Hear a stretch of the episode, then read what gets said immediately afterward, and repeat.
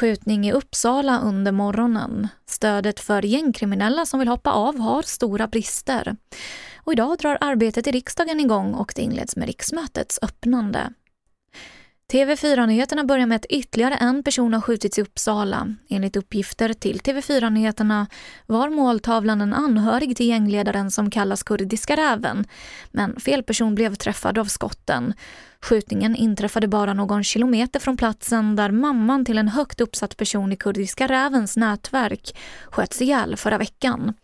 Vi hör Jale Poljarevius som är underrättelsechef på Region Mitt. Jag var mentalt inställd på att det här scenariot skulle kunna komma att hända. Men självklart, det gör ju ont i hjärtat att det här händer varje gång det blir så här. Men, men någonstans är man inställd på att det här kommer tyvärr inte bara att ebba ut efter ett, ett par, utan här, vi får vara inställda på att det här kan ta tid att reda ut, tyvärr.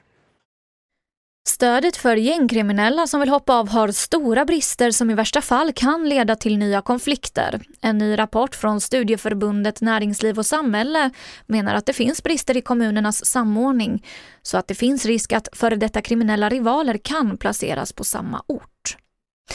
Statens veterinärmedicinska anstalt fick larm om döda vildsvin för närmare tre veckor sedan.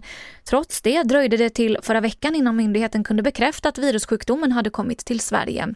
Fallen klassificerades som observationer och inte misstänkta fall och hanterades därför långsammare. Det här rapporterar Dagens Nyheter. Och vi avslutar med att berätta att idag drar arbetet i riksdagen igång och det inleds med riksmötets öppnande. Klockan 14 kommer kungen i vanlig ordning att förklara riksmötet öppnat och sen kommer statsministerns regeringsförklaring. Men i år är också säkerheten kring det här högre än vanligt på grund av den höjda terrorhotnivån. Det här var det senaste från TV4 Nyheterna. Jag heter Emily Olsson. Ett poddtips från Podplay.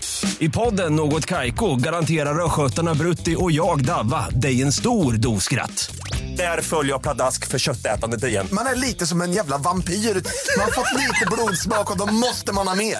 Udda spaningar, fängslande anekdoter och en och annan arg rant.